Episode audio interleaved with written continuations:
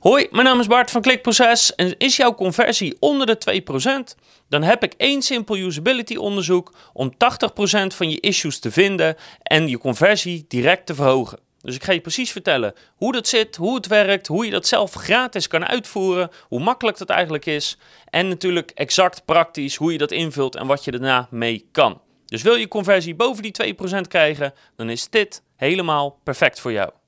Welkom bij Klikproces met informatie voor betere rankings, meer bezoekers en een hogere omzet. Elke werkdag praktisch advies voor meer organische groei via SEO, CRO, YouTube en Voice. Ja, en waarom die magische grens van 2%? Nou, omdat meestal een conversie onder de 2% aangeeft dat er een functioneel of usability probleem is.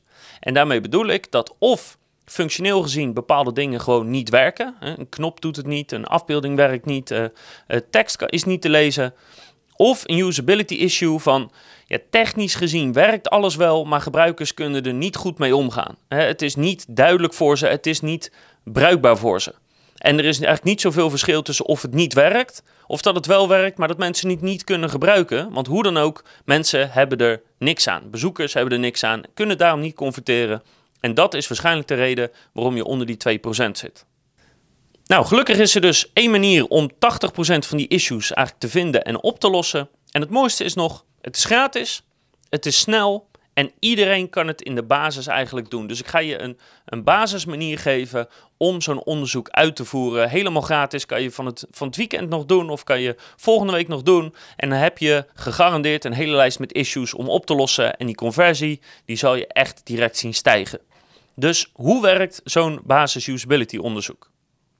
Nou, het eerste is dat je moet gaan bedenken of moet gaan uitzoeken wat wil je optimaliseren. Dus heb je een bepaalde pagina of pagina's of producten of productgroepen of weet je, waar is die conversie zo laag en wat je, wat je misschien niet verwacht en wat wil je precies gaan verbeteren? Dat moet je eerst even gaan bepalen. En uh, als ik eerlijk ben, als je enigszins uh, vaak in Analytics zit of in een ander analytisch programma, dan weet je wel welke pagina's uh, lager presteren dan je denkt. Dus dat moet je even helder voor jezelf hebben. Maar als het goed is, is dat zo gebeurd. Wat gaan we onderzoeken? En dan ga je tussen de vijf en acht mensen uitnodigen om daar een test over te draaien. En dan zou je zeggen, waarom vijf tot acht mensen? Dat is wel heel erg weinig, is het niet? Nou, nee voor een usability onderzoek heb je doorgaans, als je tussen de 5 en de 8 mensen hebt, vind je dus 80% van alle issues met die producten of met die specifieke pagina's of met dat deel van de website. Want heel veel mensen lopen gewoon tegen dezelfde dingen aan en het zal je echt verbazen hoe snel je dingen kan leren van zo weinig mensen. Dus geloof me, tussen de 5 en 8 mensen is meer dan genoeg. Maar let op, die vijf tot acht mensen moeten natuurlijk wel eigenlijk niet bekend zijn met jouw website of webshop. En het liefst eigenlijk ook niet echt kennis hebben van jouw product of producten of diensten. Dat is het allermooiste als je dat kan regelen. Nou, hoe vind je die vijf tot acht mensen? Eigenlijk vrij simpel. Vraag vrienden, familie, uh, vraag collega's die op een afdeling zitten die nooit met de, met de website of shop wat te maken hebben. Uh, vraag uh, andere mensen uit een bedrijf wat naast je zit of wat, wat, misschien in hetzelfde pand zit. Weet je, het maakt eigenlijk niet uit. Je wil vijf tot acht mensen hebben. Je kan ze gewoon van straat halen als je wil. Vijf tot acht mensen die eigenlijk niks van jouw bedrijf weten. Dat is het allermooiste. Die nodig je dan uit op je kantoor. En zo'n test ja, kan zeg maar al uh, eh, 10 minuten duren. Ligt een beetje aan wat je wilt testen. Tot een half uur of een uur. Maar dat hangt er dus heel erg vanaf ja, wat je wilt testen en hoe ingewikkeld dat is. Maar het kan dus al vrij snel. En in het slechtste geval, als je acht mensen uitnodigt die allemaal een uur bezig zijn, ben je één dag kwijt. En dat is het.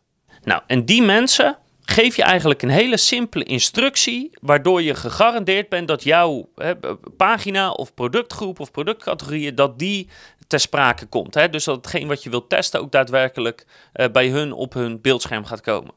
Dus die nodig je uit en dan zeg je tegen elke persoon dezelfde instructie. En dan zeg je bijvoorbeeld, um, we hebben een uh, stropdassen webshop, hè, want ik blijf het maar over stropdassen hebben op een of andere manier. Um, dus bijvoorbeeld, heel simpel, koop een stropdas dat kan bijvoorbeeld uh, zijn. Alleen als je het zo algemeen doet, maak je het wel lastig, want dan weten mensen niet goed van ja, op basis waarvan moet ik dan iets gaan zoeken of bepalen. Dus meestal is het beter als je een iets specifiekere instructie geeft. Bijvoorbeeld, um, je gaat naar een zakelijke bijeenkomst en je hebt een blauw pak en daarvoor moet je een stropdas hebben. koop een stropdas. Of ehm, je moet een stropdas voor je partner kopen voor een uh, vrijgezellenfeest. Of je moet een uh, stropdas hebben van een bepaalde kleur of binnen een bepaalde prijsrange of van bepaald materiaal. Ook dat hangt dus weer een beetje af van wat je wilt testen. Um, maar geef ze een iets wat specifieke instructie mee, um, zodat jij zeker weet dat ze op jouw, uh, jouw testgebied uitkomen. En vervolgens mag je vanaf dat moment niks meer zeggen. Je mag niks meer zeggen. Je mag alleen maar helpen als ze echt compleet vastlopen. Maar dat is minder vaak dan je denkt. In de meeste gevallen moet je dus gewoon je mond houden en je moet kijken.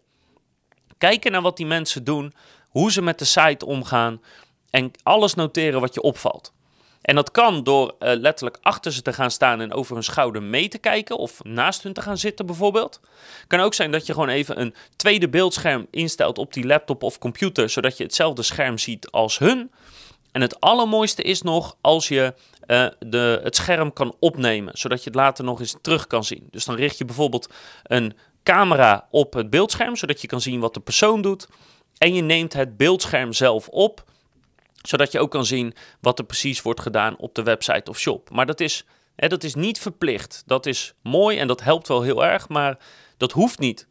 Door alleen al een tweede beeldscherm aan te sluiten en gewoon letterlijk mee te kijken met hoe iemand beweegt, wat hij doet, wat hij aanklikt, wat hij niet aanklikt, wat hij leest, daar ga je al ontzettend veel van leren. Echt, geloof me, als je dit nog nooit gedaan hebt, dan gaat een wereld voor je open. En je zal merken dat één, in het begin heb je vooral de neiging om te gaan helpen. Om, om te hey, je, moet daar, je moet daar klikken of dat. Maar dat mag dus absoluut niet. Hè? Jouw taak is om te observeren, niet om te helpen. En het tweede, vrijwel gegarandeerd dat dit gaat gebeuren, is bij de eerste testpersoon die komt, denk je, nou, die man of vrouw, die is gek. Weet je, die snapt het echt niet. Wat, een clown. En dan lig je helemaal in een deuk. Bij de tweede, dan denk je van, nou, weet je, dit wordt een stuk beter.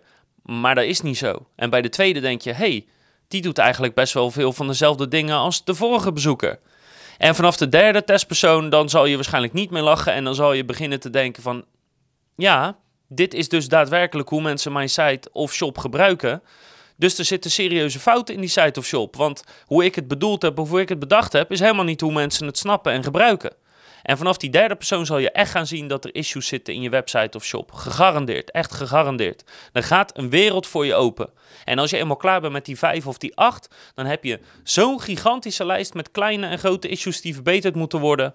Dat als dat je conversie niet helpt, ja, dan weet ik het ook niet meer. Dus heel simpel, is je conversie onder de 2%, haal tussen de 5 of 8 mensen in je kantoor, geef ze een simpele instructie, hou je mond, observeer en kijk wat ze doen. En als het enigszins kan, neem het op, zodat je het nog een keer terug kan zien.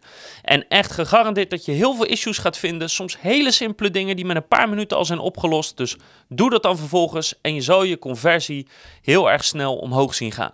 En als kleine bonus tip kan ik je nog meegeven dat je altijd, als iemand klaar is met het geheel, dat je nog specifieke vragen kan stellen van, hey, ik zag dat je dit deed of daar klikte of dit wel of niet hebt gedaan, uh, waarom? Dat kan je altijd achteraf nog doen, maar weet dat het gedrag van iemand bestuderen bijna altijd beter is dan uh, wat iemand zegt, want soms kunnen mensen dingen voor zichzelf goed praten.